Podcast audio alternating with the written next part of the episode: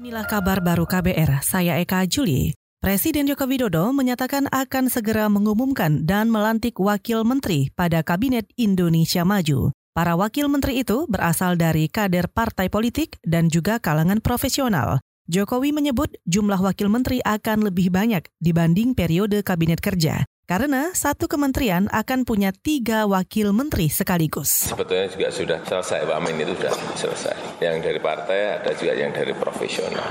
Kita harapkan bahwa Pak Amin ini betul-betul membantu menterinya.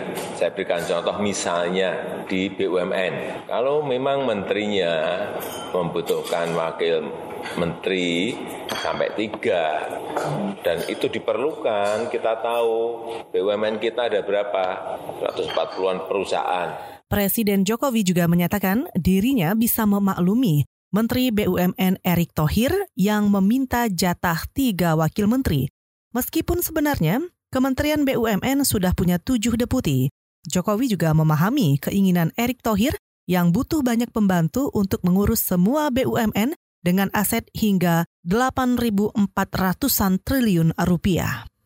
Saudara Prabowo Subianto dinilai mampu melaksanakan jabatan sebagai Menteri Pertahanan. Bekas Menteri Pertahanan Ria Mizat Riyakudu menyatakan hal itu ketika serah terima jabatan kepada Prabowo Subianto kemarin. Ria Mizat percaya Prabowo merupakan prajurit sejati sehingga akan mampu mengemban tanggung jawab sebagai Menteri Pertahanan menyerahkan tugas tanggung jawab ini kepada saudara saya, teman saya, Pak Pablo. Ya, dari awal masuk di pelonco sampai jungkir balik, ya sama-sama. Sekarang sama-sama lagi. Jadi alhamdulillah eh, tugas ini pasti saya yakin akan dilaksanakan dengan sebaik-baiknya. Beliau adalah seorang prajurit prajurit sejati. Saya juga setelah ini ya bukan diam-diam aja, tapi tetap mengabdi kepada bangsa dan negara. Bekas Menteri Pertahanan Ria Mizat Riyakudu juga mengingatkan Prabowo Subianto tentang beratnya beban dan tugas menjadi seorang Menteri Pertahanan.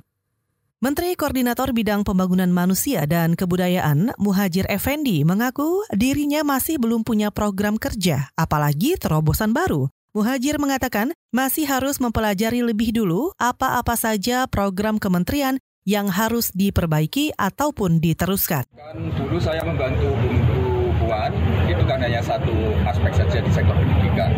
Padahal ini sekarang tugasnya kan lebih lebih utuh, lebih menyeluruh. Karena itu saya harus mendalami dulu. Jadi saya belum bisa menjanjikan apa-apa. Yang jelas akan meneruskan aja. Nah, nanti kalau ada yang harus saya sempurnakan, uh, ya akan saya sempurnakan. Kalau tidak ya cukup yang sudah dirilis oleh dilanjutkan. Menko Pembangunan Manusia dan Kebudayaan Muhajir Effendi juga mengatakan, dirinya belum punya target kerja apa pun kecuali melakukan komunikasi dengan para menteri di bawah koordinasinya untuk lebih melanjutkan tugas-tugas kementerian yang masih belum selesai. Saudara demikian kabar baru, saya Eka Juli.